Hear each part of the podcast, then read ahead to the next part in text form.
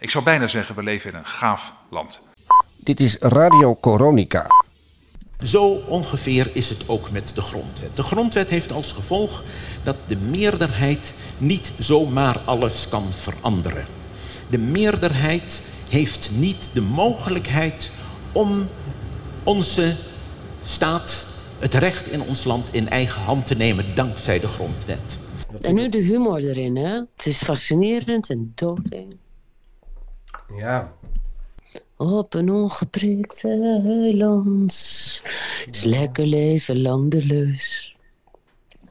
Ja, je voelt je er blij, want vaccineren is een keus. En eh, ik broei nog veel. Geen beetje pech, want je hoeft, je hoeft niet niet. met myocarditis.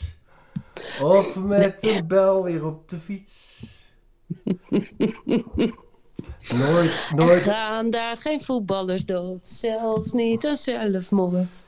Je wordt vanzelf groot op een ongeprikt eiland. nou, ja, zo al. Er moet nog eh, ge- bijgeschaafd worden. Welk- maar het welk- eerste, welk de eerste eiland? vier regels. Op een ongeprikt Ja, eiland. welk eiland moet het worden? Ik weet het niet. Je zou zeggen dat hij nog eh, wat er. eh, ja, dat, dat redden we niet op Schiermonnikoog. Met het huidige stikstofregime. Ja, ik zeg steeds meer tegen mijn moeder. ik zeg ja, ik zeg mam. Ik we moeten buiten de EU. Australië is geen optie, Nieuw-Zeeland geen optie. Eh, zo zijn er al best wel andere landen ook geen optie. Ehm waren vaccins nog heel slecht, sporadisch. Ik zei, is toch Afrika? Ik blijf elke keer weer terugkomen op fucking Afrika. En dan niet... Daar is geen vaccinatiedrang, nee. en Ja, er is, wel een drang, er is misschien wel een vaccinatiedrang, maar dat is niet die van Hugo. En, en dan is het QR-code. Fuck you, man. Ik heb niet eens een telefoon. Je wil, oh nee, dat, eh, de, in, in Afrika is het volgens mij eh, eh, met het ontwikkelen van mobiele apps en zo, gaat het veel sneller dan bij ons. Eh, yes. En had ik volgens mij nog een vrolijk muziekje gevonden ook. Mild, met mildheid en de nodige humor kan je ook het gesprek met elkaar aan. Hallo? Ja, ik schonk even een glas in. Ik denk, Oh, ik dacht, je, ik dacht mute. je valt het. Nee, valt nee, ik had een mute Nee, heel goed, maar eh, gevonden. ik dacht ook gewoon van ja, ik werd er ook stil van dat hij dat zei. Ja. ja. Ja. Ja, met mildheid. Ja. Maar hé, hey, ik vind het zo mooi. Het lijkt wel alsof we in een, eh, hoe zeg je dat? Eh, verhouding zitten. eh, met een enorme narcistische, psychopathische man. En die dan eerst je alle vier de hoeken van de kamer laat zien. En dan zegt, "Oh, maar ze hebben best een mooie kleur, niet? Ja. hey, je kan er ook van genieten, hè? Ja, van die vier hoeken van de kamer. Nou, ik ben inmiddels wel van, af en toe van Hugo aan het genieten, inderdaad, omdat hij de techniek eh, uitstekend beheerst. Ik heb ze net behangen voor je. En nu, hè? Ja. Ik heb het allermooiste, Nee, ik heb het allermooiste Pfizer behang uit de hele wereld. fuck it, geniet ervan, man. En stank voor dank is mijn deel. Ja, dus hé. Hey. Dus ja, we zitten een beetje in een rare, verknipte relatie. En dan eh, word ik, eh, als ik dan weer eh, mea culpa heb gedaan... dan krijg ik weer een persconferentie... waar ik weer als een kleuter word toegesproken. Nou ja, we worden toegesproken door iemand die begint met verwijten maken naar allerlei ongevaccineerden. En daarna gaat hij aangeven dat er iets van polarisatie ontstaan is en dat we dat met z'n allen niet moeten willen. Ja, En dat komt dan uit de mond ja begon niet mee. van de minister. Ja, precies, daar begon niet mee. Dus dat was al super negatief de, de toon zetten. En zijn verleden op dat gebied is natuurlijk super matig, want hij heeft nergens begrip voor. En heel hard is hij geweest naar mensen die zich eh, niet wilden laten vaccineren. Nou, dat, dat, heeft dus hij niet, die- dat heeft hij niet zo gezegd. Dat, dat, werd uit, dat, dat soort dingen worden altijd uit context getrokken, vertelde Hugo. Hè, dan wordt er zo'n citaat en dan wordt, het, eh, dan wordt het citaat niet eh, in de juiste context gezet. En dan, gaan mensen Ja. iets, dan horen mensen iets heel anders dan wat hij Ja. bedoeld heeft. Ja, Zoals, dus- zoals ik heb Oh, er oh, helemaal oh, geen begrip Nee, nee, voor. ik heb helemaal geen begrip voor mensen die zich niet willen laten vaccineren. Echt nul begrip. Echt nul begrip. Ja, dat is, Nou. dit is, vind ik ook. Ik ben, wel mee, ik ben het er wel mee eens dat dit eh, eh, te ver eh, uit de context is getrokken. Laten we moeten het even goed analyseren misschien. Wilt open. Nee, nee, ik heb helemaal geen begrip voor mensen die zich niet willen laten vaccineren. Echt nul begrip. Echt nul begrip. Ja, ja, zegt hij. Maar in welke context was dit dan precies? Nou, in de context eh, van eh, het eh, nepnieuws. En nee, wat was het? Het was in het debat met Van Haga over nepnieuws. Van, eh, Nepnieuws verspreiden. Nee, nee, Dit- nee. nee Dit- we zitten dit- midden in een pandemie. Oh ja, ja, ja. en daar dan- zei hij van de onder, dat ondermijnt de bereidheid om zich te laten vaccineren. En eh, toen ontspon zich die discussie van, nou, misschien heeft het wel veel bijwerkingen. In Nederland dus toch al 3000 ziekenhuisopnamen. Dus ernstige bijwerkingen die bij de LAR hebben gemeld zijn. Morgen komen er nieuwe cijfers. Maar dat is niet mild en vrolijk, hè, dit. Als je, over de, als je het over de feiten wil hebben, of overtuig, iemand overtuigen met argumenten en dat onderbouwt een beetje, ja, daar zit, daar zit niemand op te wachten. Nou, dan Nee, eh, dat heb klopt. ik goed nieuws. Ik heb net een... eh, Dat hoor ik van onze luisteraars terug, ja. Ja, ik heb een eh, lekkere fles Amarone opengetrokken net. Ik ben morgen vrij, dus het mag. En deze podcast doe ik toch in mijn vrije tijd. En ik moet zeggen, proost jongens. Hij is van een bepaalde supermarkt. Hij is... Ja, Noem, noem gewoon de, de- wat staat op de Ja, fles. mag ik de ja, supermarkt? ze- De- nou, de- ja, de- ja, oké. Eh, het is van die... eh, eh, ja, eh, mild. eh, hij is 14,95. Ik loop even naar de... Is het, is het een milde supermarkt? Het is een... Ik weet niet of het Die een ene supermarkt, is. je hebt, je hebt zo'n supermarkt met zo'n hele milde manager. Het is Amarone della Policella. Valpolicella 2018. Eh, hij is verkrijgbaar met eh, die supermarkt die laatste, later zeg maar eh, naar de Albert Heijn kwam. En zo'n geel-zwart eh, dingetje. Hallo Jumbo. Hallo Jumbo. Oh, gewoon Jumbo. 14 14,95. Hij is ongelooflijk goed drinkbaar. En nee, nee, ik word niet gesponsord door de Jumbo. Nee, wij worden absoluut niet door de Jumbo gesponsord. Absoluut Ze zijn gek bij de Jumbo, ja.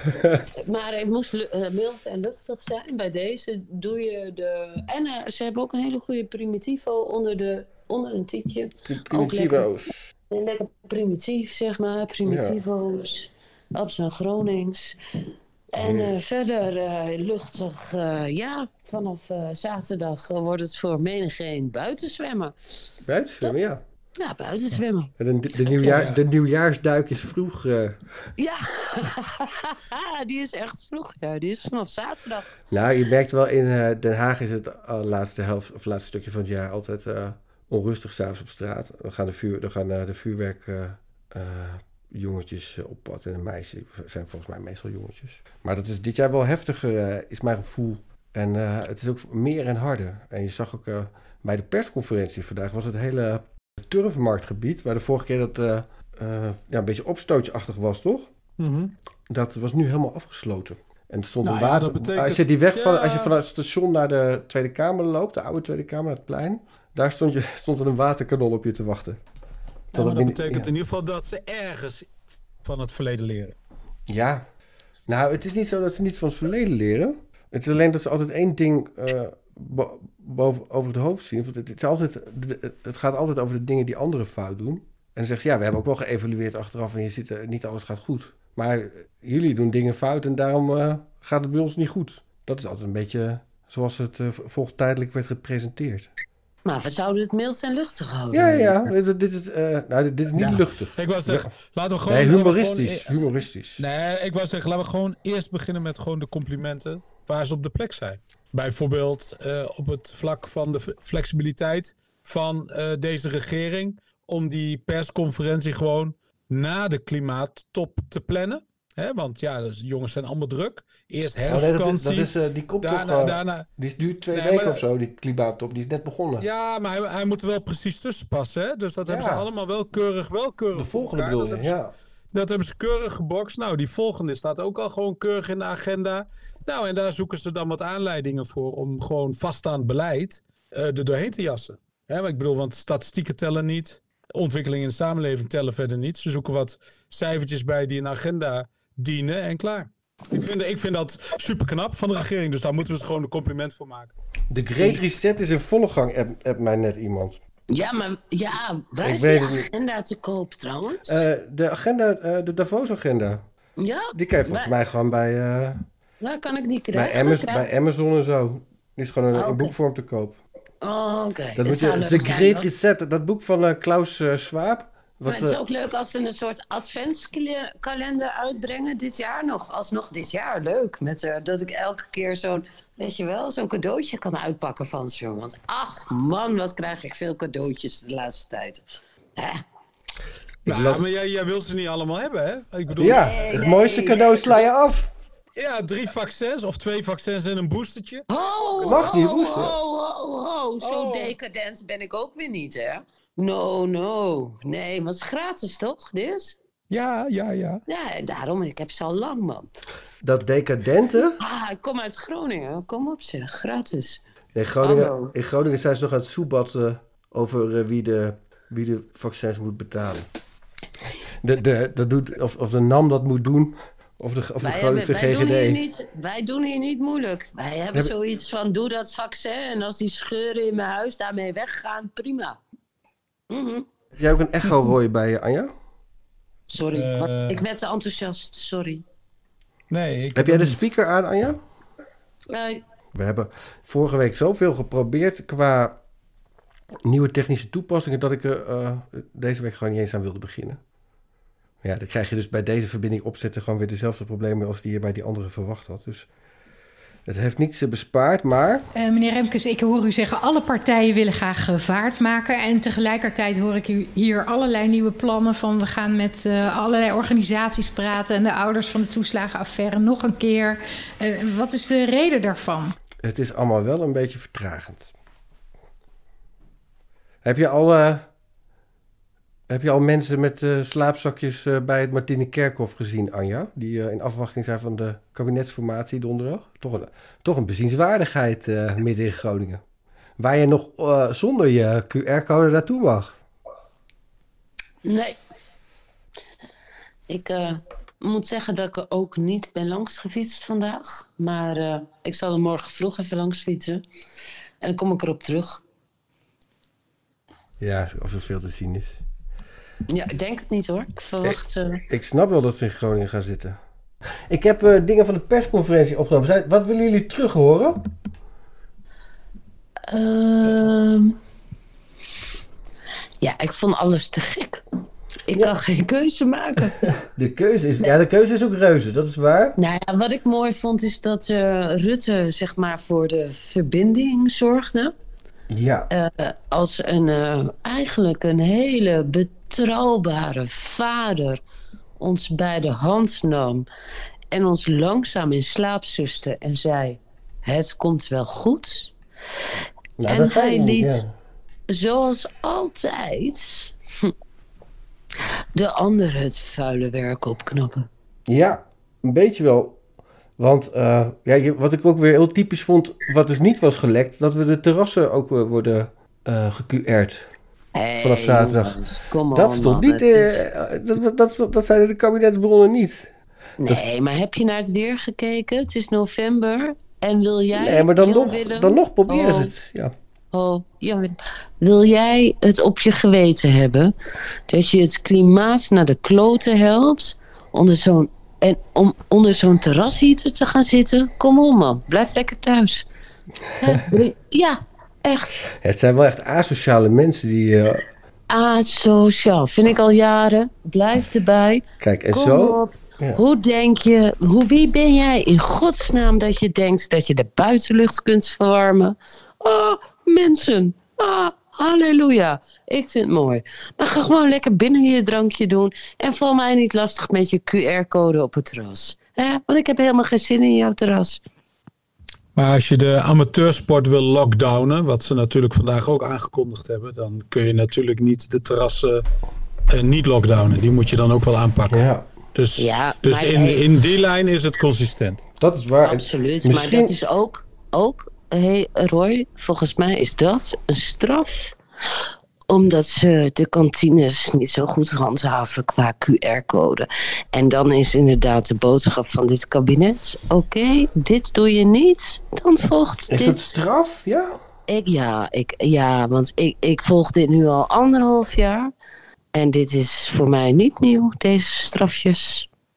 Echt waar. Het is wel, het is wel heel inge- Want je gaat dus. eh, ik weet niet Het hoe. is werkelijk waar. eh, als ik mijn kamer niet goed schoon had gemaakt vroeger, hè, dan mocht ik gewoon niet op stap. Eerst je klusjes doen, dan pas het zoete. En dat doet het kabinet al, eh, weet je, want we, we kennen het toch al de hele tijd. Eerst het zure, dan het zoete. Ja, en. maar dat, dat is niet eens zozeer wat het meeste bij mij opviel. Ehm, dat is namelijk dat. Het kabinet denkt overal aan, eh, behalve aan, aan zichzelf. Hoe bedoel je dat? Nou, het kabinet heeft nooit wat fout gedaan. En alle andere mensen hebben alles fout gedaan.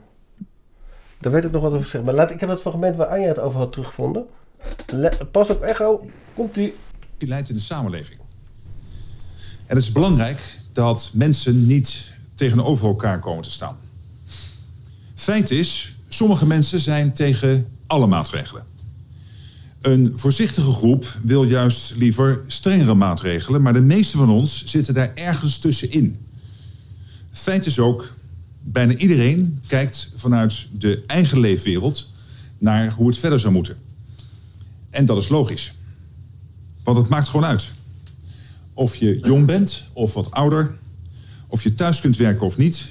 Of je in de stad in een flat woont of op het platteland. Of je een ondernemer bent of een vast salaris hebt. Ik vind dit wel heel aanmatigend trouwens. En ook wel heel typerend voor eh, eh, dit kabinet. Dat ze denken dat mensen alleen maar. eh, dat hun leefwereld zo beperkt is dat ze alleen maar naar, ze, naar hun eigen situatie kijken. En niet mensen om zich heen hebben. Ik denk En dat de regering. Ik denk dat Mark Rutte daarin gelijk heeft. Hè? Als je kijkt naar eh, zijn regering die aftrad vanwege een toeslagenschandaal. Eh, puur op basis van racisme. En daarna krijgt hij 41% van de stemmen. Ja. En blijkt uit onderzoek dat 72% People van de mensen care, ja. nog vertrouwen heeft in hem. Nou ja, dus Het kleeft ik denk dat hij. aan, ja. Ja, nee, ik denk dat iedereen vanuit zijn eigen eh, ik naar de wereld kijkt. Dus Ja, dat, klopt. Dat heeft Rutte goed gezien. Nee, dat klopt. Eh, mensen, bij die toeslagaffaire, mensen begrijpen het niet. En die denken van, oh, het, eh, eh, ik, letterlijk mensen die eh, de- denken van, ja, maar het is toch, het is toch altijd met die Turkse en die Balkaanse bureaus, het gaat toch altijd fout? Ik zeg nee, Ja, maar me- dat, was het, dus, dat niks. was het dus niet, want ze hebben dus nu een knopje aangezet. Is het Marokkaans of Turks, dan is het fout. Dus de, precies Nee, andersom. niet, niet, niet Marokkaans of Turks. Nee, hè, bijvoorbeeld, ik ga- ik ga- ik gaf dat als voorbeeld. Precies. Ik gaf, Ja. ik- als voor, was- nee, maar er zaten ook Marokkaanse en Turkse bureaus bij. Eh, volgens mij heeft de Belastingdienst gewoon alles met, eh, alles met niet-Nederlandse, met niet, wat niet de wit eh, en dergelijke van achternaam weet. Dat Hebben ze- valt wel hebben mee ze gewoon hoor. getagd. Dat valt wel mee. Er zitten ook... Oh, sorry. Ja, dat, je hebt, daar is het bij begonnen. Maar eh, Anja heeft nu een voorbeeld van wat, wat er van terecht komt als je dat op zijn beloop laat. Dat is het. Eh, maar eh, Mark was eh, als een prachtige vader bezig. Nou, ik vond, ja, hij, dat, eh, dat probeerde hij wel. Maar was het, ja, kwam het zo over op jou? Ik denk voor heel veel mensen kwam dit echt zo over. Ja, ik denk het echt. Want hoe langer het duurt hoe niet. vaker we te maken krijgen met weer een nieuwe golf van besmettingen, des te ingewikkelder wordt het om de regels te volgen. En zoals ik al vaker heb gezegd, de rek gaat eruit. En dat merken we allemaal. Het is aan ons als kabinet in de mix van al die verschillende belangen elke keer opnieuw een verstandige route te vinden. En ik zeg maar gewoon open, dat is ook een worsteling. Oh? Want aan de ene kant leven we in een land waarin iedereen recht heeft op een eigen mening en een vrije keuze. Een land waarin niemand buitengesloten mag worden. Ook die... En nu komt de de grote kant maar. hebben we met corona wel een groot probleem te pakken, wat we alleen gezamenlijk kunnen oplossen. Dat betekent dat we steeds, ook vandaag weer, al die belangen tegen elkaar afwegen. Op basis van deskundige Ja, en adviezen. daarna volgen we het ons de eigen. medische adviezen van het Outbreak Management Team, het OMT, maar ook de economische adviezen van het Centraal Laten we even.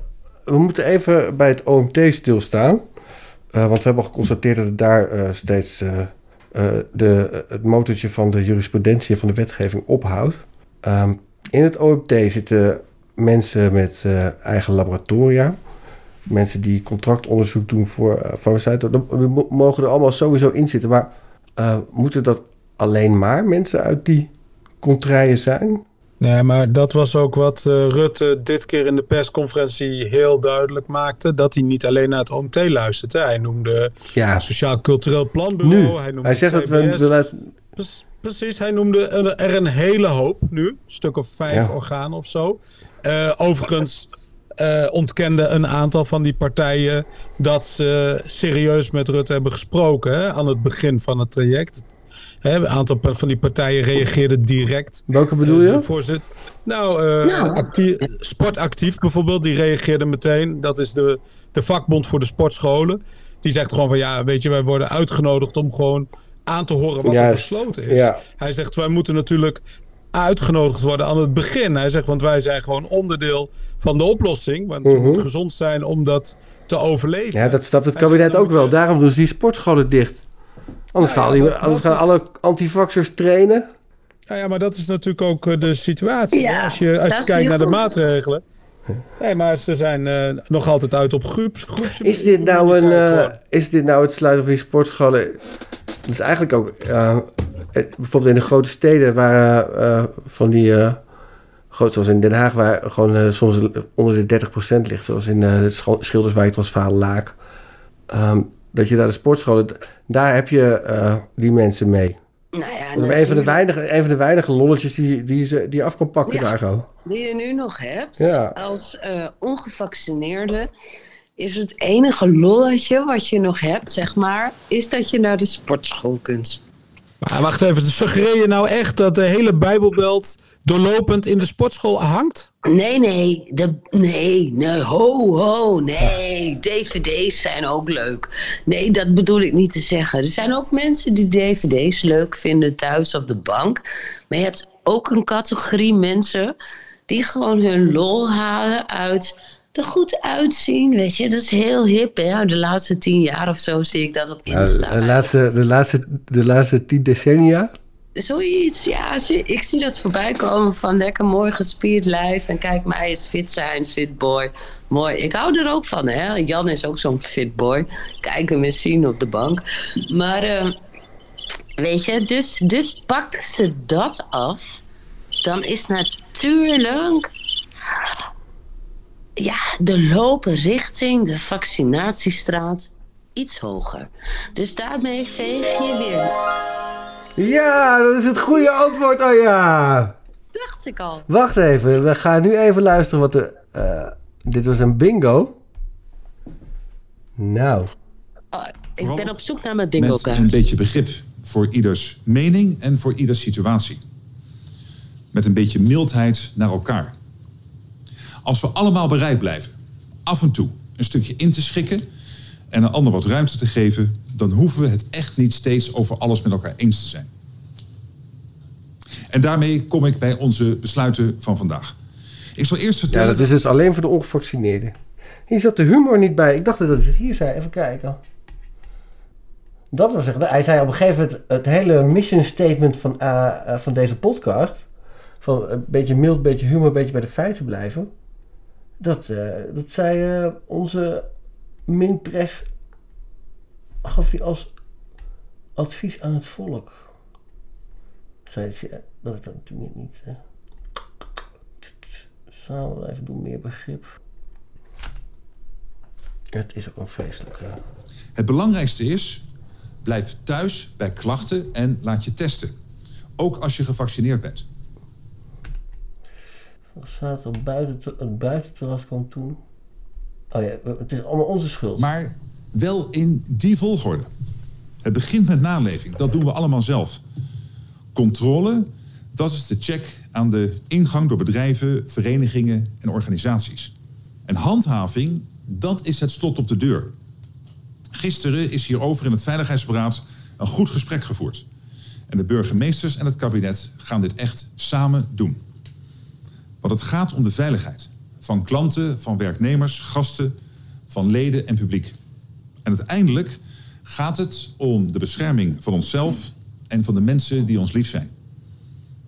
Daar doen we het voor. Daar mogen we elkaar op aanspreken en daar moeten we ook elkaar bij helpen. Dit is dus echt belangrijk. Van ons, van het kabinet, mag worden verwacht dat we zo goed mogelijk blijven wegen en beoordelen wat er op ons afkomt en wat het aan mogelijke acties vraagt. Met alle dilemma's die daarbij komen kijken. Voor de korte termijn heb ik die acties nu geschetst. En voor de periode die voor ons ligt, geef ik nu graag het woord aan Hugo de Jong. Dit was wat jij bedoelde toch, Roy? Nee, Anja zei dat hij... Of eh, Anja, ja. Ja, waren- zei, Hugo mocht mag het kutwerk jij- opknappen. Ja. Nu mag jij gewoon lekker het vuile werk opknappen, schat. Want daarvoor sta je nog steeds anderhalf jaar met je mooie bloemschoentjes naast me. Niet meer, niet minder. Weet je? Maar even voor de- lieve papa en Hugo mag gewoon werkelijk waar alle kooltjes uit het vuur halen om het lief en vreugdevol en luchtig uit, uit te leggen. Ja, maar dat, het probleem is ook dat hij het doet. Eh, Nou, ja, nee, daar is hij voor, in deze functie. Probleem Hij wil het graag. Hij wil het graag.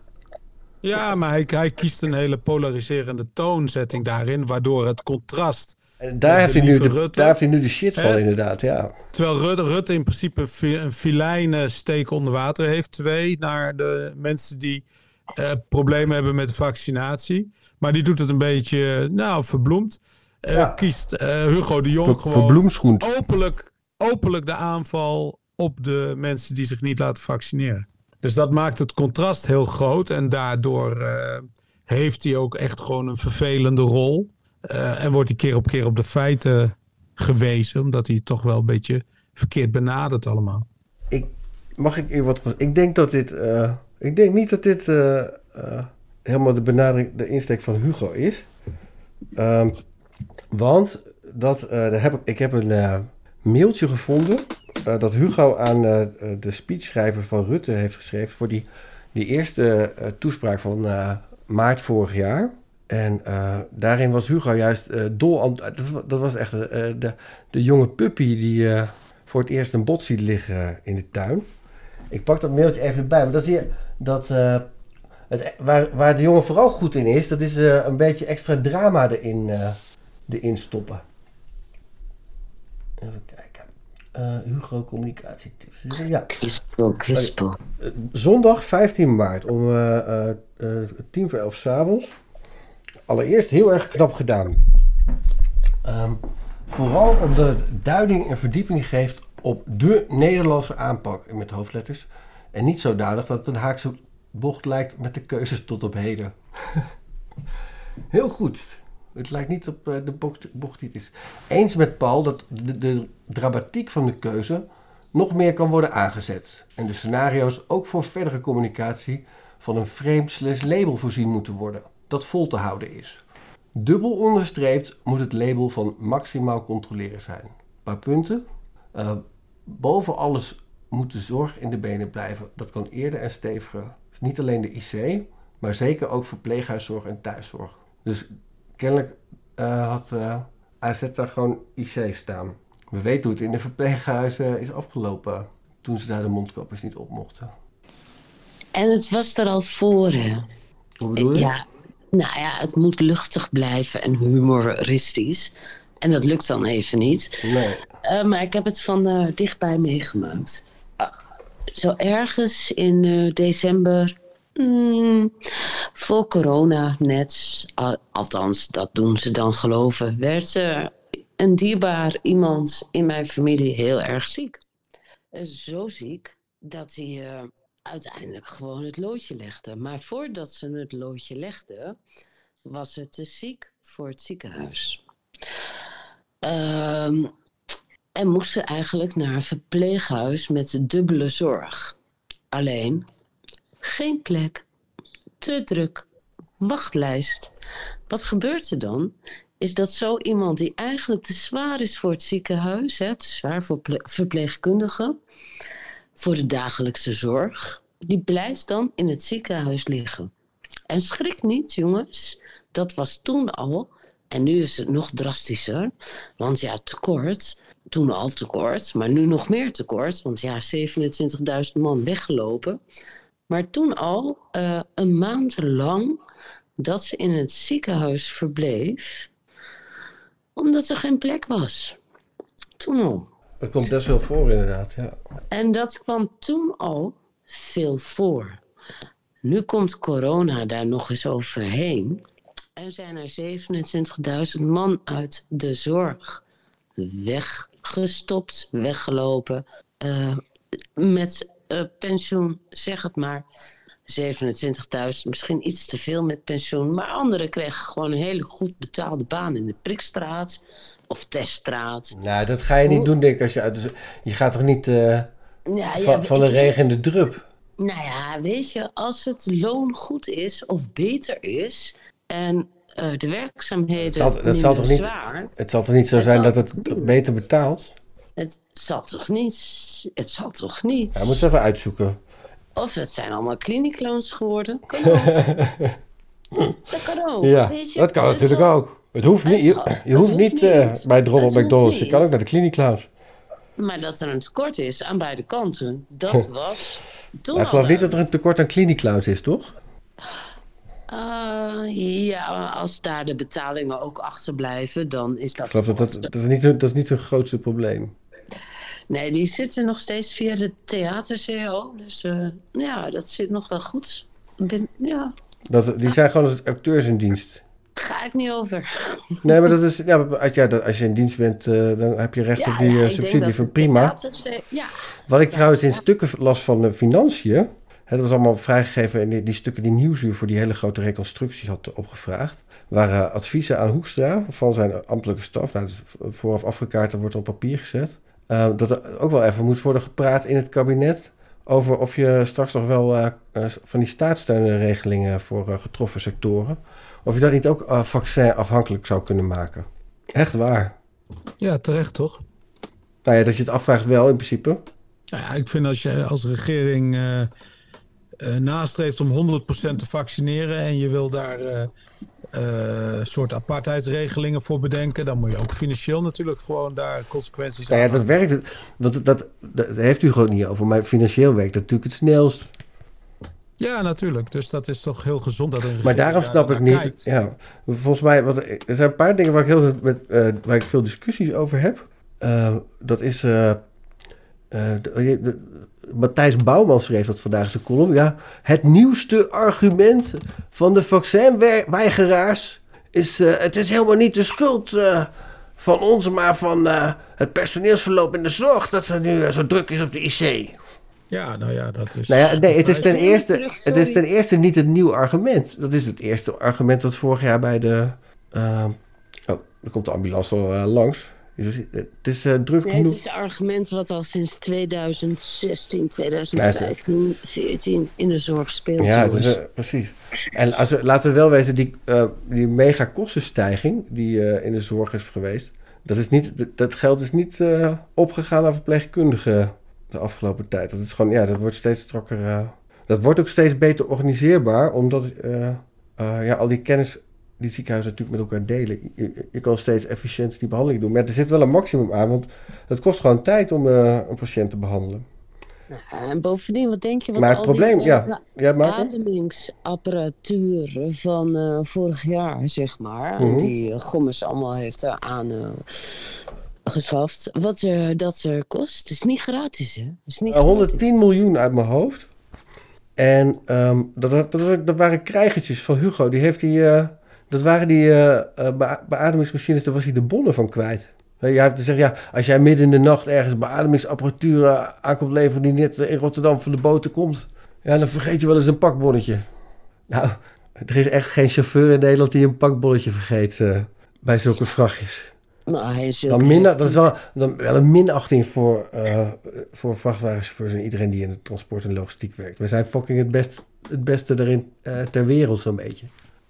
Nou, het is minachting naar iedereen eh, die in Nederland eh, woont, werkt en die wel eens ergens iets besteld heeft. Ja, En dus eh, snapt dat je misschien op een enkele incidentele webshop na, maar echt bij iedereen een pakbon krijgt. Want dat is nodig voor verzekering, voor douane shit, et cetera. Dus wat dat betreft, dat weet je, maar de geloofwaardigheid van, van de er jongen. is er maar één die dat niet gelooft. Dat is Hugo zelf. Dat heeft hij natuurlijk wel bewezen.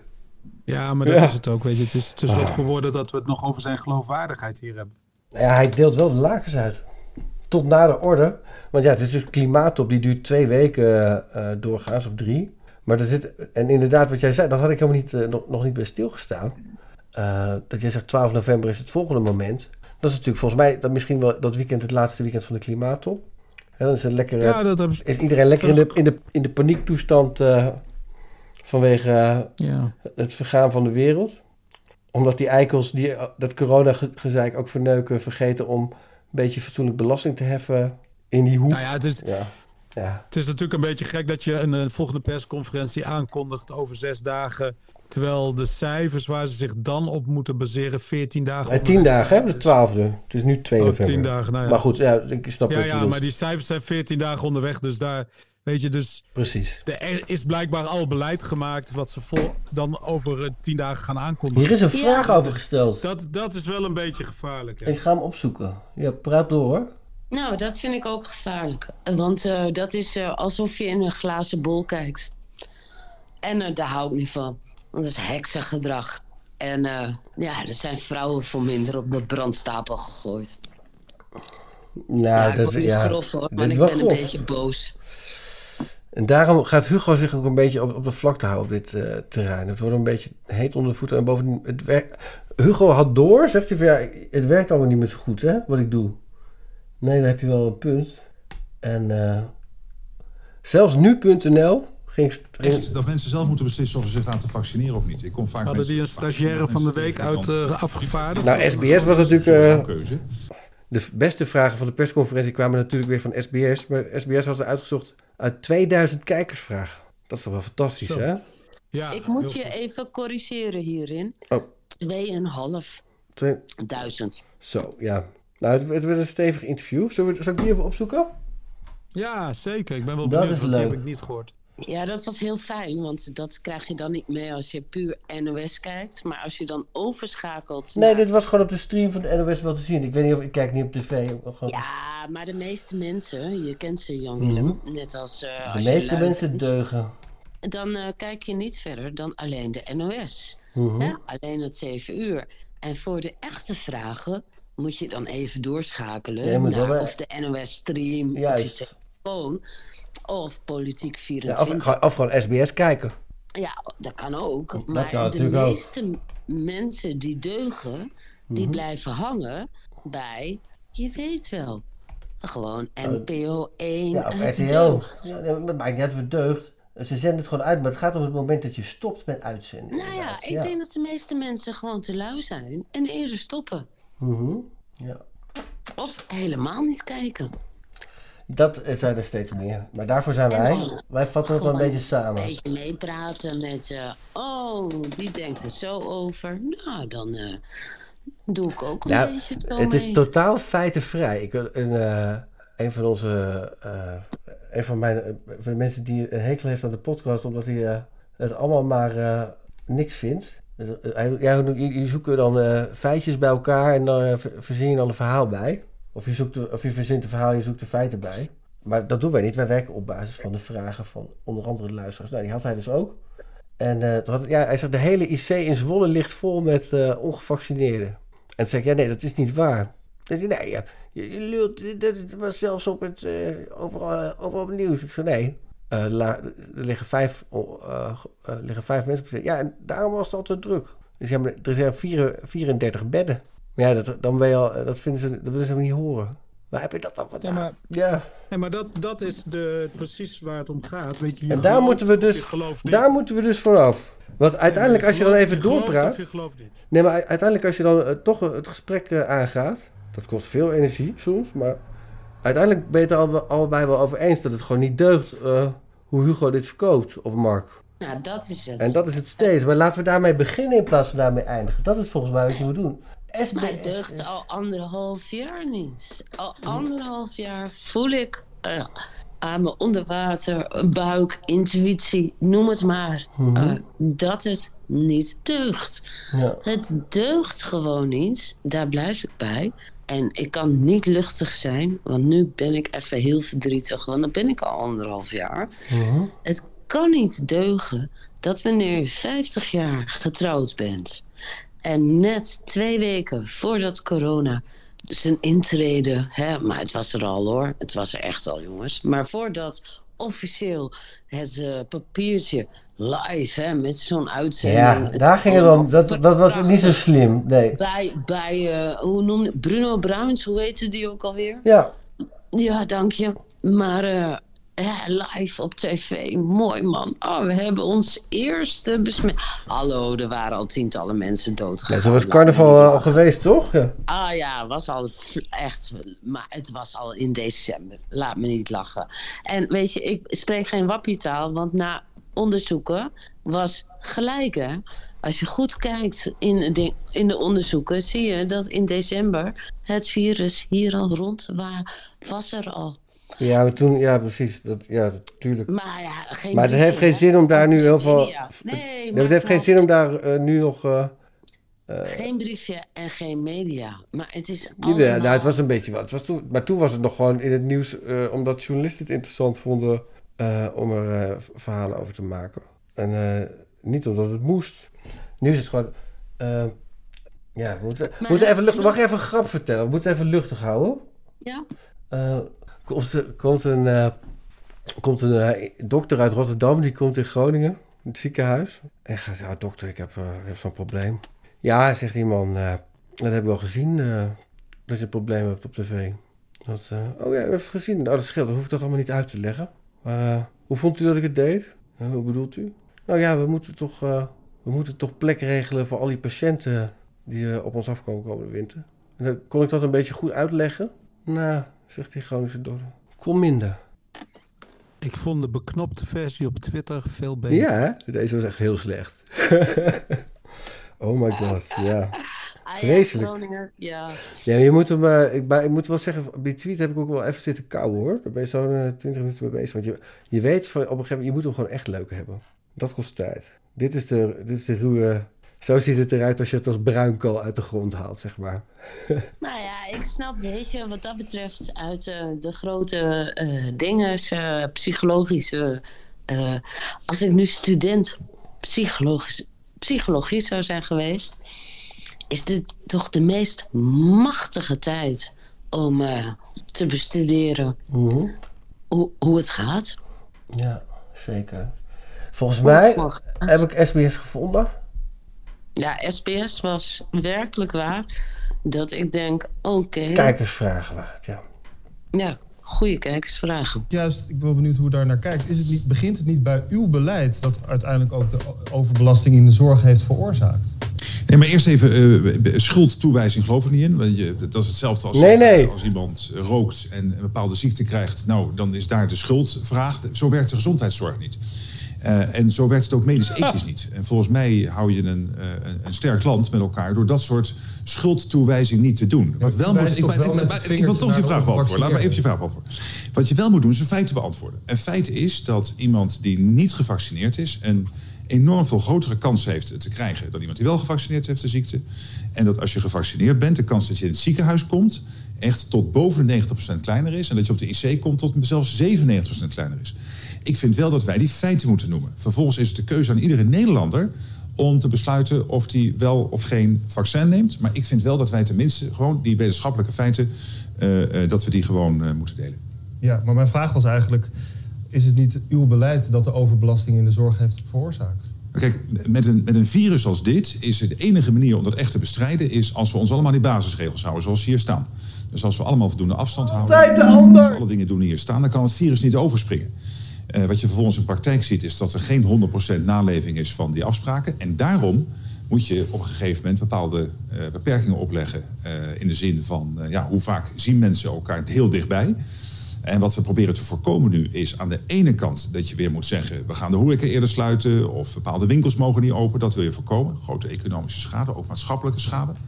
Maar aan de andere kant moet je ook voorkomen natuurlijk dat de ziekenhuizen... dat er zoveel mensen liggen eh, met corona... dat mensen die voor een heupoperatie komen of iets anders... dat die wordt afgebeld. Dus dat is uiteindelijk de balans die wij zoeken.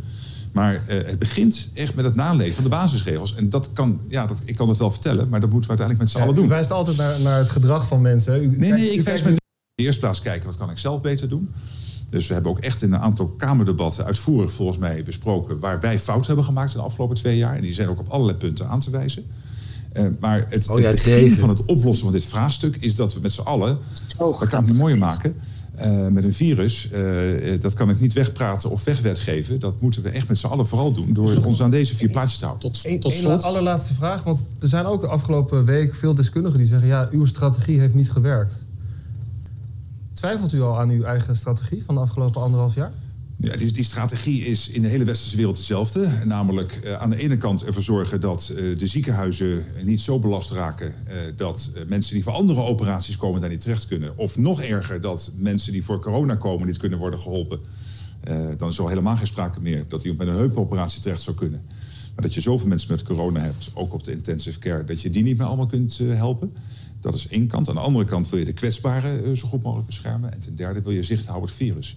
Die drie doelstellingen, eh, om daarmee eh, de hele zaak maximaal onder controle te houden... is de strategie in alle westerse landen. We gaan nu over naar de Telegraaf. En ik zag nog heel veel andere handen. Dus ik wil iedereen de gelegenheid geven om een vraag te kunnen stellen. Dat was het einde. Ja, ik heb mijn handje ook omhoog. Ja, ik heb mijn vinger omhoog. Ehm, kan iemand mij uitleggen waarom er afgelopen anderhalf jaar, en ik hou het luchtig en mild en met humor, eh 5,1 miljard bonnetjes weg zijn? Die zijn, die, die zijn niet allemaal weg. Maar, eh, dat is, Maar goed, eh, maar wel een, wel een half miljard. Laten we een half miljard doen. Maar dat is eh, Gewoon niet verklaarbaar. genoeg. Eh, Ja. Er zijn miljoenen uitgegeven aan teststraten. eh, aan QR-codes, aan eh, ja, 45 miljoen. Ondanks nog aan, eh, hoe noem je ze, BOA's die zometeen eh, de QR-codes gaan controleren. Eh, oh ja, je kunt ook nog mystery guest worden. Al die dingen, al die dingen, al die dingen. En dan bijna geen rode cent uitgegeven hebben. Midden in een pandemie. Godverdomme. Oh ja, potver drie dubbeltjes, want ik moet vriendelijk blijven. ja, dit ga ik er ook uitknippen. Dat, eh, Ja, potver drie dubbeltjes gewoon. Geen rode cent, bijna. Misschien een paar miljoen. Maar dat.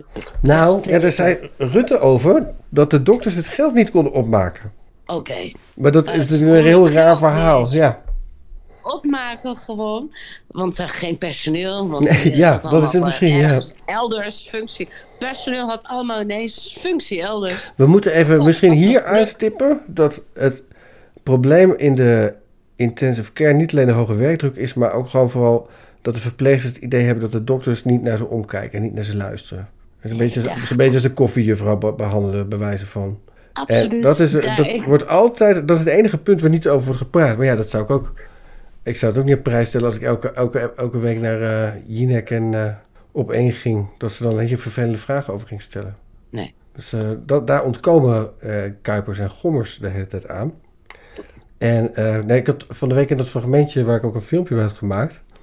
Moeten, het is misschien wel leuk ehm, om terug te luisteren straks.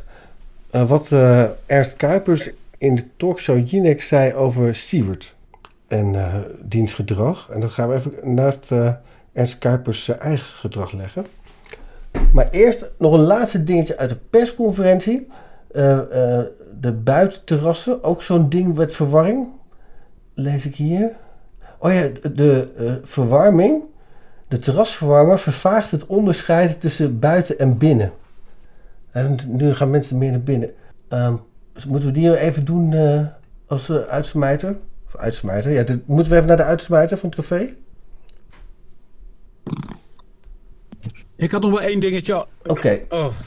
Oh, ja, nu heb ik er echt al aan voor het fragment. Ja, ik had er één dingetje over die persconferentie zelf. En met name over de, de verwijten van, eh, Ja. van, van Hugo de Jong. Die gingen natuurlijk met name naar de mensen die zich niet laten vaccineren. Daar schoot hij enorm op. En schuldbewijzen wat ik- geloof ik niet in. dus daar Rutte, ja. Ja, dat zei, precies, dat zei Rutte. Maar wat ik, wat ik zelf jammer vind daarin, dat is, eh, hè, hij heeft als minister de mogelijkheid om Juist. het speelveld gelijk te maken. Mhm. Eh, hij komt na Mark Rutte, waarin Mark Rutte zei van... joh, we moeten met z'n allen de basisregels naleven. Nou, als we dan een paar feiten van die basisregels gewoon even pakken... Hè, dan was een van die uitgangspunten was het beperken van het aantal reisbewegingen. Dat hebben Ja. we ooit met elkaar Daar, afgesproken. daar begon het bij. Nou, precies. Nou, als je kijkt naar de eh, jubelstemmingen bij vakantiediscounters, Sunweb, TUI, allemaal prachtige cijfers over de herfstvakanties, waar met name Ja, mensen met een QR-code op vakantie gingen. Dus dat zijn vooral gevaccineerde types. Die hebben dus lak gehad aan het eh, beperken van reisbewegingen. Heel veel mensen eh, hebben eh, symptomen, hè, laten zich niet meer testen. RIVM zegt het aantal mensen dat zich nog laat testen is ongeveer 30 Hè, dus dat is enorm ingezakt. was een dame van de Universiteit van Amsterdam. ehm, uit dat speciale RIVM-team. Dus, ehm, dus als je dan het spelveld, het speelveld gelijk wil houden en je wil het niet, hè, naar niemand wijzen en je wil eh ongevaccineerden een veeg uit de ban geven, dan had hij op dat gebied ook kunnen eh, wijzen en moeten wijzen naar de gevaccineerden, die gewoon een loopje nemen met heel veel eh, afspraken die we met elkaar gemaakt hebben. Ik bedoel, ik ken zelf ook eh, diverse mensen die heel fanatiek voorstander van vaccineren zijn, die ook gewoon op vakantie zijn geweest en gewoon met symptomen ongetest in een vliegtuig stappen. Of even een zelftestje doen, weet je wel, dat soort dingen. Ja, dat, vind ik, dat is ik bedoel, nog- nog iets. dat ja. is Ja. super hypocriet allemaal. En dat, daar, daar hoor je Hugo de Jong niet over. En dat vind ik wel echt zonde. Ja, maar hij zei wel een beetje, nou, hij was half tussen de regels door eigenlijk niet eens van ja, we moeten toch wel iets van voordeel geven aan die mensen die zich wel gevaccineerd hebben. Ik vind dat op zich, eh, dat, dat, dat, dat is wel een, eh, ik vind dat een argument waar je als politicus heel goed eh, voor kan staan. Ja, maar de, dat gewoon- eh, de, eh, de vraag is dan ook wat voor voordeeltjes je geeft. En eh, Hugo gebruikt alleen maar voordeeltjes om andere mensen te benadelen. En dat is dus niet hoe voordeeltjes werken. Ja, dat is, Nee, dat is het grote probleem van Hugo de Jonge, ja.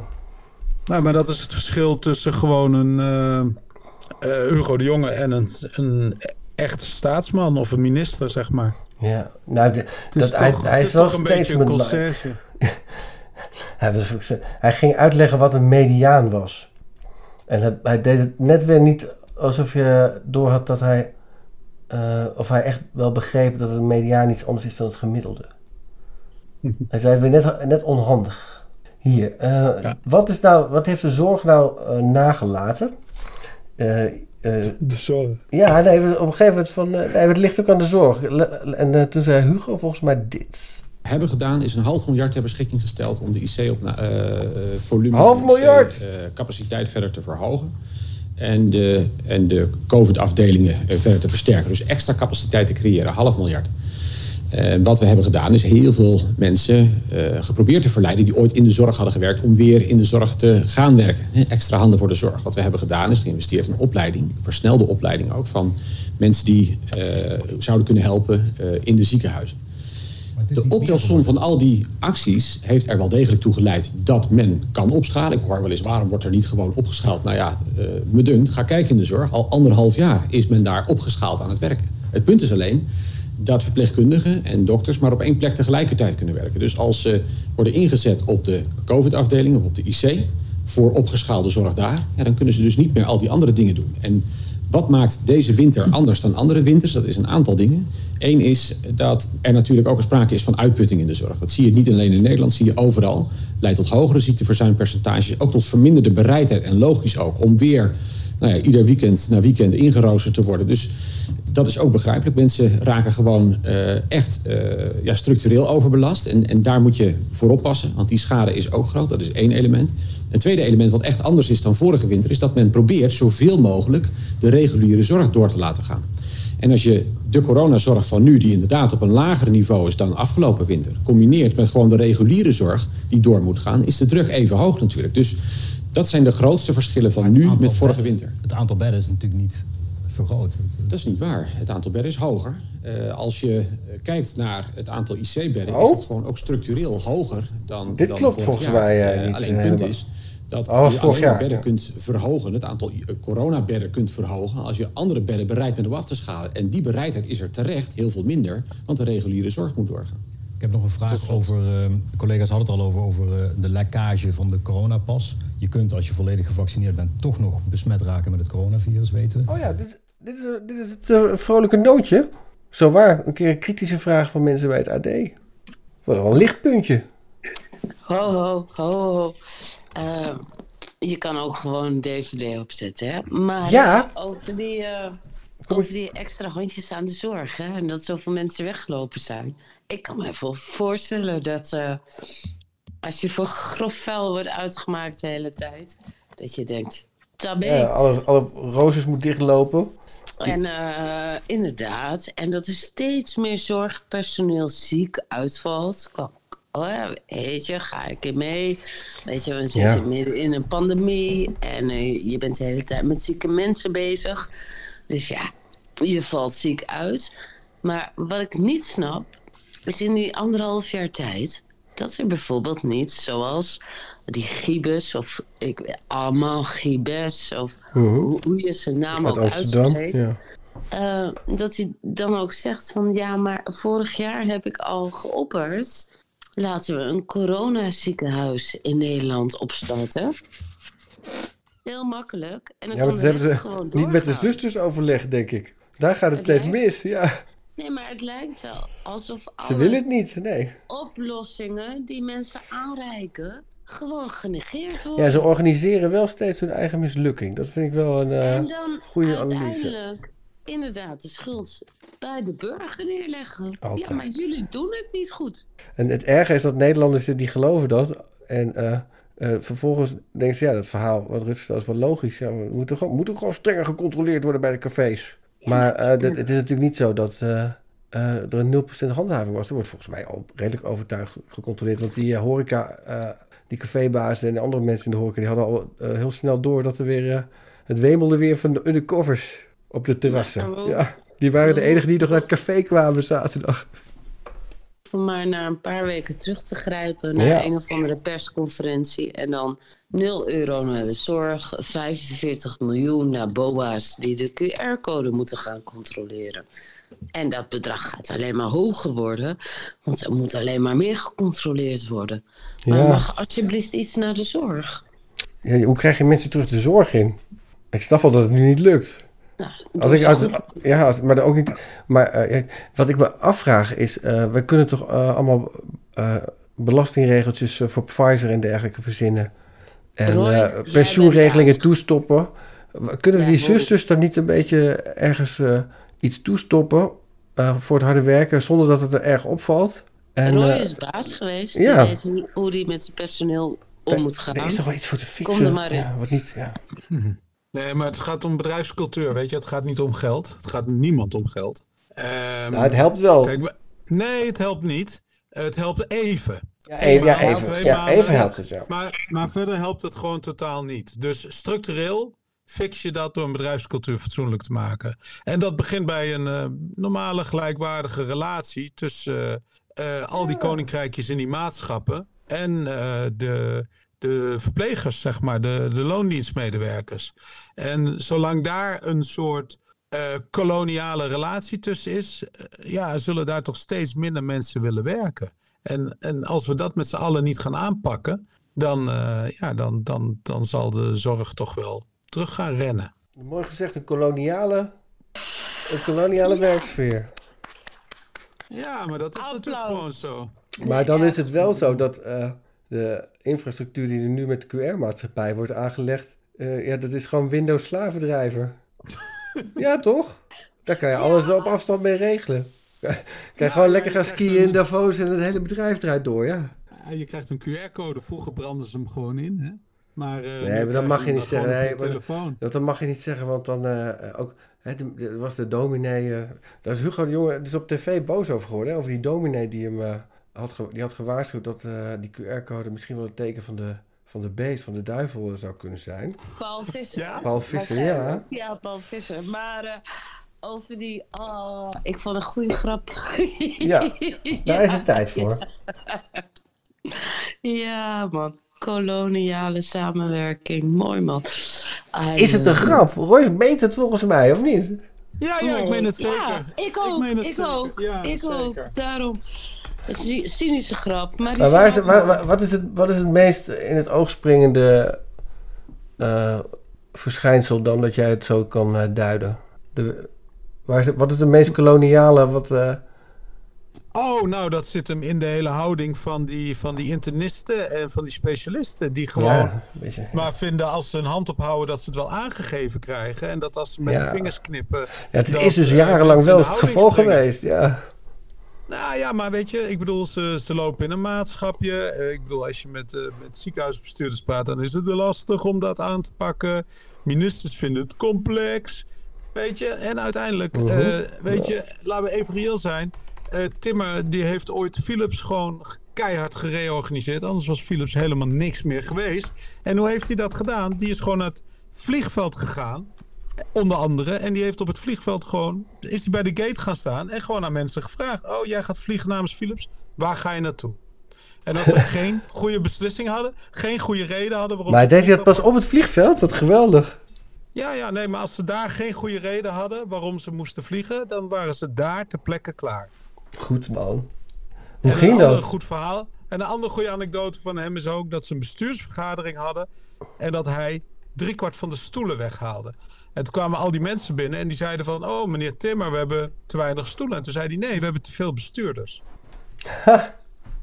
Weet je? En eh, ik bedoel, het zijn simpele dingen. Maar Ja. uiteindelijk, dat soort, dat soort levensreddende acties... Dat, dat kun je wel doorvoeren als je een ruggengraat hebt. Maar ja, ik denk dat er toch in de ministershoek en ook in de, in de ziekenhuizen... allemaal veel mensen met heel veel begrip voor die koninkrijkjes zitten. En misschien dat daar toch op een andere manier mee omgegaan moet worden.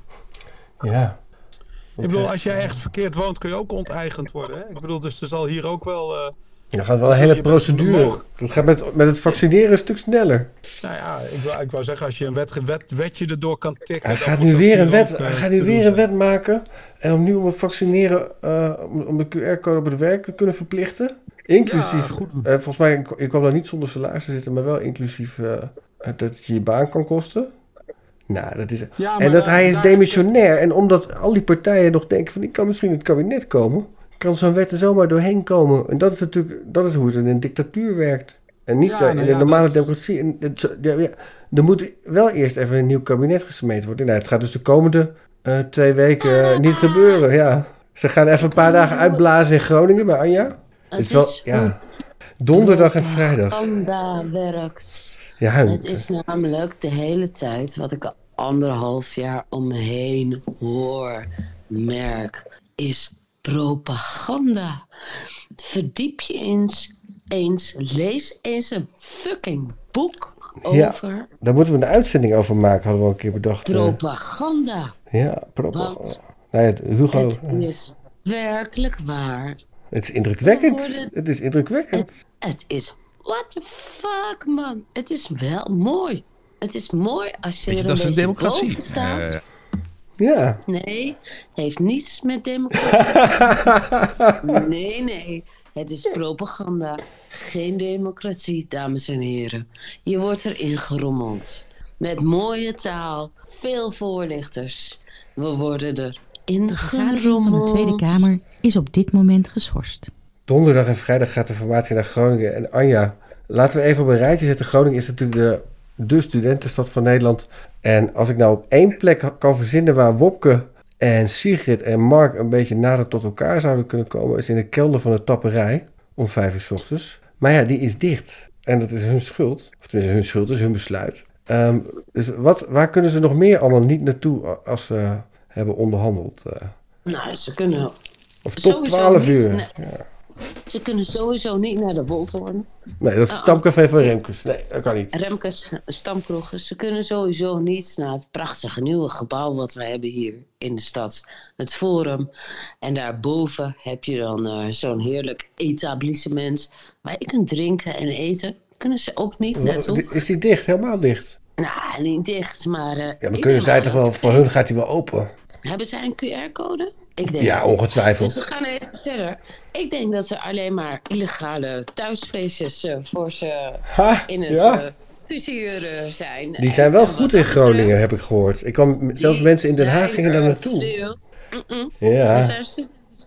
Dus na 12 uur zou ik zeggen, ze zijn welkom. Maar voor 12 Ja. uur, zonder QR-code, zit er voor hun weinig in. Voor 12 Weinig. kon- ja. Ja, je houdt je gewoon, je houdt je gewoon keurig. j- Jij loopt alvast vooruit op de nieuwe regels van zaterdag. Ja, ja, iedereen eh, die dat wil, zou in principe die QR-code moeten kunnen vragen. En bovendien eh, zou ik zeggen, dvd'tje thuis. Lekker man, nus op de bank. Wat dus wel kan tegenwoordig, is AAA-landje bekijken op een DVD.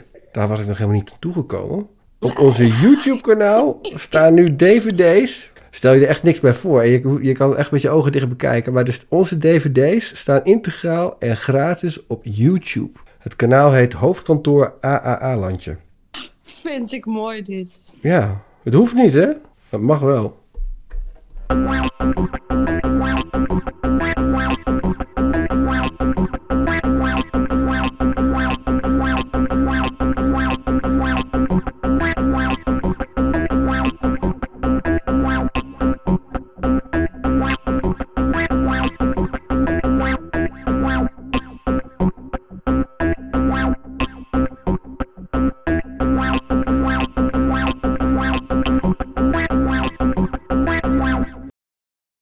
Op corona positief geteste mensen stijgt weer. En daarom is volgens demissionair minister Hugo de Jonge de coronapas nog wel even nodig. Maar veel van u heeft grote vraagtekens bij het nut van de coronapas. Welkom bij Uitgelicht.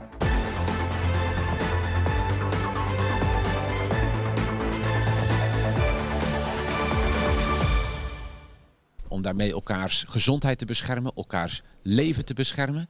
En wat is er nou beschermwaardiger dan het leven zelf? En wat is er nou mooier dan dat je als mensen die mogelijkheid hebt om het leven te beschermen? Dus ik zie het als, een, als onze roeping. Het is een, een daad van naaste liefde om juist te kiezen voor vaccinatie. En Ja. juist te willen kiezen om jezelf te beschermen, elkaar te beschermen, de zorg te beschermen. We hebben die mogelijkheid. Ja. Van, hè, we hebben die mogelijkheid, ik zou zeggen, een van God gegeven mogelijkheid Ja, dat- om dat- elkaar te beschermen. Dat zei u net ook. Maar maar mag je dan mensen die dat toch niet willen en zeggen: eh, ik, ik vertrouw op God, mijn leven is in zijn hand, de voorzienigheid. eh, ja, mag je die dan zo wegzetten als zijnde van je wil niet gevaccineerd worden? Nou, dat, kijk, dit is waar, denk ik, dat ze niet gevaccineerd willen worden. En ik zal altijd blijven staan voor dat recht. Hè? Want het is een, een vrijheid om wel of niet voor vaccinatie te kiezen. We gaan ook niet voor een vaccinatieplicht kiezen. Geen directe plicht, geen indirecte plicht. Daar kiezen we dus niet voor. Maar u zult mij toch ook niet kwalijk nemen als minister van Volksgezondheid... dat ik wel aan mensen blijf uitleggen dat de verstandige keuze toch wel echt is om jezelf te laten vaccineren. Maar dan voelen ze zich bijna gedrongen om dat te laten doen. Ja, maar ik denk ook dat het goed is om met elkaar die argumenten te wisselen. Eh, we hebben toch eh, dat leed allemaal kunnen zien.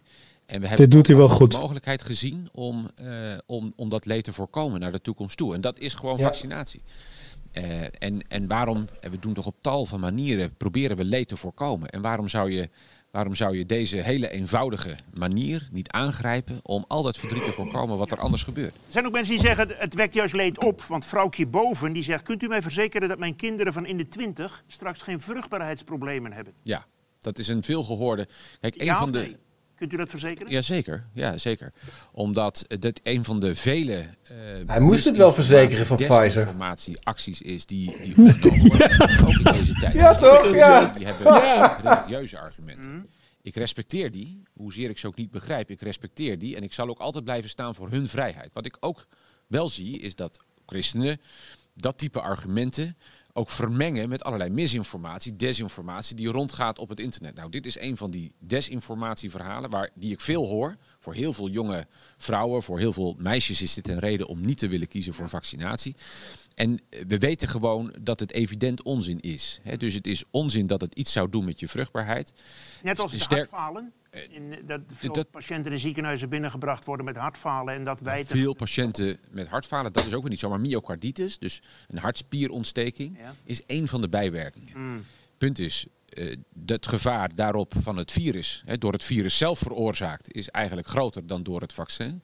Het is eh, een aandoening die eigenlijk meestal onbehandeld, meestal met hele milde klachten als vanzelf weer overgaat. En een aandoening die in heel weinig gevallen als bijwerking voorkomt. En zeker geen reden om je om die reden niet te laten vaccineren, zou ik denken. Arie Meijvogel wil graag weten waarom zijn ongevaccineerden een gevaar voor gevaccineerden? Ja. Niet zozeer een gevaar voor gevaccineerden, voor de vrijheid van ons allemaal zou ik willen zeggen. En op één Voor de bepaalde vrijheid, nou ja. een gevaar voor ons, voor, voor de toegankelijkheid tot de zorg. Ja. Kijk, ik kom net van een werkbezoek aan een ziekenhuis in Leeuwarden. En die kijken met, met buikpijn naar wat er de komende winter staat te gebeuren. Want, zeggen zij, ja, al die coronapatiënten, in grote meerderheid zijn die niet gevaccineerd. En die liggen nu wel Het op is de gewoon een campagne, hè? Eerst naar Leeuwarden, dan even hierheen. Al zorg te doen. Ja, wanneer gaat naar de moskee? Ja, van 80, 90 procent van de mensen die ik, die ik met corona in het ziekenhuis heb liggen, eh, eh, die hadden hier niet hoeven liggen, omdat als ze zich hadden gevaccineerd, hadden ze hier waarschijnlijk niet gelegen. Maar dan legt u toch dat leed van die mensen legt u neer bij de niet... Maar keuzes hebben consequenties. En ik moet wel eerlijk zijn. Ik ben minister van Volksgezondheid. Ik wil dat de zorg toegankelijk blijft. Ook voor als u straks een hartoperatie nodig heeft. Of voor als uw vrouw of uw kinderen een operatie nodig hebben. Dus ik moet wel eerlijk zijn. Maar En dan heb je toch bijna geen vrije keus meer, jawel. als u zo'n verhaal vertelt. Jawel, maar keuzes hebben altijd consequenties. Dat is het punt. Dat, is, dat, dat, dat, dat is, geldt altijd. Bij keuzes in het leven, die hebben consequenties. Je- U heeft wel een vrije keuze of u zich wel of niet wilt laten vaccineren. Alleen het niet vaccineren heeft als consequentie dat mogelijkerwijs jij eh, een rol speelt in de verspreiding van het virus. Dus daarmee een ander niet beschermt. Bijvoorbeeld een ander bij wie het vaccin niet werkt. Bijvoorbeeld, hè. Of dat je daarmee een, een bed gaat bezetten in de zorg, wat eigenlijk toekomt aan een ander die hem harder nodig had gehad. En dat is het punt. Dus daarom kan ik ook niet, hè, vaccinatievrijheid vind ik heel belangrijk, maar vrijheid mag nooit vrijblijvendheid zijn. En kan ook nooit een vrijbrief zijn om te zeggen, nou ja, het maakt ook eigenlijk niet uit wat je doet. Ik, ik ben minister van Volksgezondheid, geen minister van kijk maar wat je doet. Dat is een beetje het punt. Ja, je zou kunnen zeggen van la- laten we meer waarde hechten aan de natuurlijk opgebouwde weerstand tegen dit, dit virus. Eh, ik noem het als voorbeeld Urk, waar heel weinig gevaccineerden zijn, waar nauwelijks gevallen van corona zijn. Ik sprak net een man in Urk, die had in het ziekenhuis in Leeuwarden gelegen. En die had daar weken in coma gelegen. En hij zegt, er is veel voor mij gebeden, eh, iedere zondagochtend in, in, in alle kerken op Urk. En dat is de reden dat ik er nog ben. Maar ik was er bijna niet meer geweest. En tegen iedereen die tegen mij zegt, het is maar een griepje, beetje natuurlijke immuniteit opbouwen, dan heb je het wel gehad. Tegen die mensen zeggen, eens kijk eens naar mij. Hij zat in een rolstoel, hij moest eindeloos lang gaan revalideren. Een sterke visser, hè? Een sterke visser van een jaar of zestig. En, eh, en ik denk dat het eerlijk is om die verhalen aan elkaar te vertellen. Natuurlijk, als je jong en sterk bent, heb je minder kans om in het ziekenhuis te komen. Maar het is zeker niet zo dat je er, dat je er geen kans op hebt. Dat is één. Daarnaast, je speelt altijd een rol ook in de bescherming van anderen door jezelf te laten vaccineren. En ik zou de gok niet wagen eh, dat jij per se niet tot de groep behoort die mogelijkerwijs in het ziekenhuis komt. Ik zou de gok niet wagen. Ja, maar dat zien, dat zien die mensen niet als een gok. U zegt zelf Ja, van er is voor die meneer gebeden. ja zeker. Eh, eh, dat zien ze als hun bescherming. Maar daar wil ik ook helemaal niet aan afdoen. Daar wil ik zeker niet aan afdoen. Maar deze meneer zei wel, ik, ik, ik zou heel veel mensen willen besparen het leed wat ik heb doorgemaakt. En ook het leed wat ik nog moet doormaken. En dat zegt zijn familie natuurlijk ook. Dus laten we niet, eh, laten we niet doen eh, alsof eh, de, de mensen die gelovig zijn en, en, en, en, en, en bidden, zeg maar niet, niet, niet aangedaan kunnen worden door dat virus. Natuurlijk wel. Hè. Je bent, het, is, het is ora et labora, het is bid en werk. Je moet, naast bidden moet je natuurlijk ook gewoon doen wat je kunt doen om te voorkomen dat Even een andere eh kijkersvraag is ook af. Een ander eh, middel, medicijn ivermectine, wordt gebruikt in India en Japan. Oh, eh, we, om gaan, we het hele, corona te bestrijden. Ja, het gaat het hele palet af. paardenontwormingsmiddel. Ik, ik zou het niet gebruiken. En er is ook echt gewoon van komen vast te staan dat het niet helpt. Dit is bullshit. Het is niet alleen een paardenontwormingsmiddel, hè? Het is gewoon, Nee, zeker niet. toegestaan om het voor te schrijven, ook niet experimenteel in Nederland, omdat het eigenlijk gewoon kwakzalverij is. En de inspectie is daar heel scherp in. En de professionals Ja, zijn de- heel jij scherp bent in. zelf de inspectie. Het is een experimentele Die liggen heel dicht naast- die zitten naast elkaar in de toren. Eh, net, Ja. net als eh, hy- hy- hydroxychloroquine, eh, zo'n ander middel waar altijd over wordt gesproken. Maar dat het zou helpen, is echt nepnieuws. Het helpt niet. Er komen ook veel opmerkingen binnen over eh, uw eh, optreden in Oh, de dit is wel aantoonbaar Dat u daar nepnieuws. breedsprakig bent. Ik een toppetje over tikken, hoor. hanteert en eigenlijk geen antwoorden geeft. Ja. Op vragen Ja. die er zijn. Ja. Nou, Wat zegt u er zelf op? nou, stel me een vraag. Test me maar. Ja, want u vindt Heb, dat u de heb waarheid je een, drugs, daar- heb je een drugstest meegenomen? Ja, ik, probeer, ik probeer altijd gewoon zo goed mogelijk antwoord te geven op een vraag die wordt gesteld. En kijk, ik ben leraar Nee. van huis uit, dus ik leg graag uit. Mijn vader is dominee, dus het zou er best eens een beetje mee te maken kunnen hebben dat... eh, nou ja, dat, je, eh, dat, dat dat een zekere geneigdheid tot het gebruiken van het woord geeft. Ah, die coronapas Zijn is broer is wel volgens mij wel echt een goeie, hoor. Ik, dat is, wel- dat is niet correct hè, wat u zegt. U zegt het nu voor de tweede keer. Het was niet eerst wel, toen niet. Mhm. We hebben gewoon een wet behandeld in het voorjaar in de Kamer. En die wet behandel je natuurlijk om hem ook in te kunnen voeren als het nodig is. Dus het was niet eerst wel, toen niet. En ook niet eerst niet, toen wel. Het was gewoon een wetsbehandeling in het voorjaar. En die wetsbehandeling die is uitgemond in een brede meerderheid in beide kamers om die coronapas in te voeren. En zo is het ook gegaan. Dus, ehm, eh, eh, dus, dus ja, ik, ik kan niet anders dan, eh, dan doen wat mij te doen staat en doen wat er nodig is. En daarover verantwoording afleggen aan de Tweede Kamer. Oké, we gaan even naar het laatste blokje. Dat is eh, eh, de geloofszaken en de eindtijd. Ja. Veel mensen dat Oh, ook zien. en nu komt Zijn het vaccinatiebeleid en het coronapasbeleid voortgekomen uit ideeën die de directeur van het World Economic Forum, Klaus Schwab, naar voren bracht? Nee, ook dit is echt een, een nepnieuwsverhaal. hè. En ik weet dat het zelfs onder christenen rondgaat. En ik vind dat eigenlijk Zelfs verdrietig. christenen. Eh, als christen heb je toch geen nepnieuws nodig om eh, je geloof te beleiden. Kijk, je hebt religieuze argumenten die raken aan de voorzienigheid Gods. Ja. Daar heb ik respect voor, hoezeer ik het ook niet zo zelf op die manier Met beleef. God eens ben? Maar wat ik heel kwalijk vind, is dat in sommige christelijke kringen je nepnieuws en, en religieuze overtuigingen door elkaar ziet lopen. Dit is een van die verhalen inderdaad eh, die je ziet.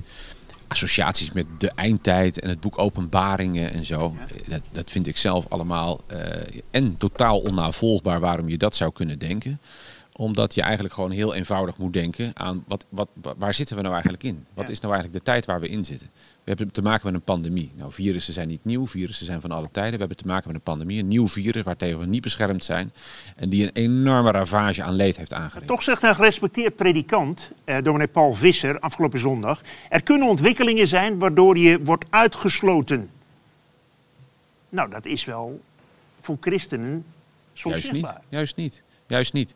In de frontlijn van de crisis, in de frontlijn van de crisis hebben In de tal frontlijn van de christenen crisis, alles de gedaan frontlijn wat, van wat de crisis. nodig hadden om te zorgen dat we dat leed van het virus Dat eh, te lijf zouden Ja, het is gaan. een dominees, In de frontlijn van de coronabestrijding In de frontlijn. eh, hebben tal van christenen een prachtige In de rol frontlijn. in het vrijwilligerswerk, in, In de, de zorg, frontlijn. een prachtige rol om In te zorgen dat we het frontlijn. leed van dat virus zo klein mogelijk is. En die mensen in de frontline, die heeft hij dus allemaal En opge- Zo moet opgefikt. je ook het vaccineren zien. En Dat is het gewoon het hele verhaal nu. Die zijn allemaal weggegaan. Ja. Om Ja. willen van de volksgezondheid, om onszelf te beschermen, om elkaar te beschermen, om de zorg te beschermen en juist om de vrijheid op dat virus weer te herwinnen, dat we doen wat we doen. Ja, toch kent u ook de Bijbel, openbaring 13, Zeker, zeker. teken van het beest. Het zijn- dit zijn de betere Toch even, SGP'en-vragen. toch even. Ja? With all due respect. Wat is dan dat teken van het beest? Waar we mee bezig zijn, is de volksgezondheid te beschermen. Mhm. Dat is toch een heel, heel rare manier om over de Bijbel te spreken. Ik zie het zo. Ik ben, naast dat ik minister ben, ben ik eh, zoon van een dominee. Ik ben eh, gelovig eh, opgevoed. Ik ben gelovig. Ik ben lid van de kerk in Rotterdam-Zuid. En daar wonen we al een hele tijd. En de, de, het geloof zoals ik dat beleef, geeft ons een opdracht. Geeft ons een opdracht om alles te doen wat in ons vermogen ligt. Om er te zijn voor elkaar, om elkaar te beschermen. Dat is mijn taak in het leven als minister. Dat is ieders taak in het leven als opdracht eh, die we ja, van Gods wegen hebben gekregen. Dat is waar we mee bezig zijn. Alle maatregelen zijn daarop gericht. En het is voor mij bijna, eh, ja, bijna eh, wezensvreemd. En, en ik kan het totaal niet plaatsen als ik christenen, mijn medegelovigen, hoor spreken in termen van eindtijd, openbaring, teken van het beest. Ik vind dat zo'n een, een interpretatie van de Bijbel die zo ver van me afstaat, maar helemaal een interpretatie van het leven. Raakt die zo ver. persoonlijk? Nou, ik, ik, ik, probeer, ik probeer ook maar iets te bevatten zeg maar, van dat soort kritiek. En eerlijk gezegd, ik snap er werkelijk niets van. Ik kan er met mijn verstand niet bij dat je op zo'n manier... eh, Op zich oprecht verhaal, kijkt, maar Op zo'n manier naar de overheid meer. kijkt, op zo'n manier naar eh, een minister kijkt, op zo'n manier naar gezondheidsbeleid kijkt. Daar kan ik Dit is bij. misschien? Ik denk ook echt dat je het geloof onrecht doet door op die manier de interpretatie van je geloof te kiezen. Echt waar. Ja, toch leggen Dat mensen hun op- in dat ben ik op zich niet met hem oneens. Zeggen Dat wat de overheid mij opdraagt, ja, dat hoef ik niet na te volgen. En vertrouwen eh, eh, op God. Ja, maar goed. eh, dat, ja, maar het vertrouwen op God is natuurlijk hartstikke belangrijk. Natuurlijk, dat Maar vertrouwen op. Hugo is Maar nog veel belangrijker. Dat wil toch juist niet Ja, wou ik zeggen. Dat je om die reden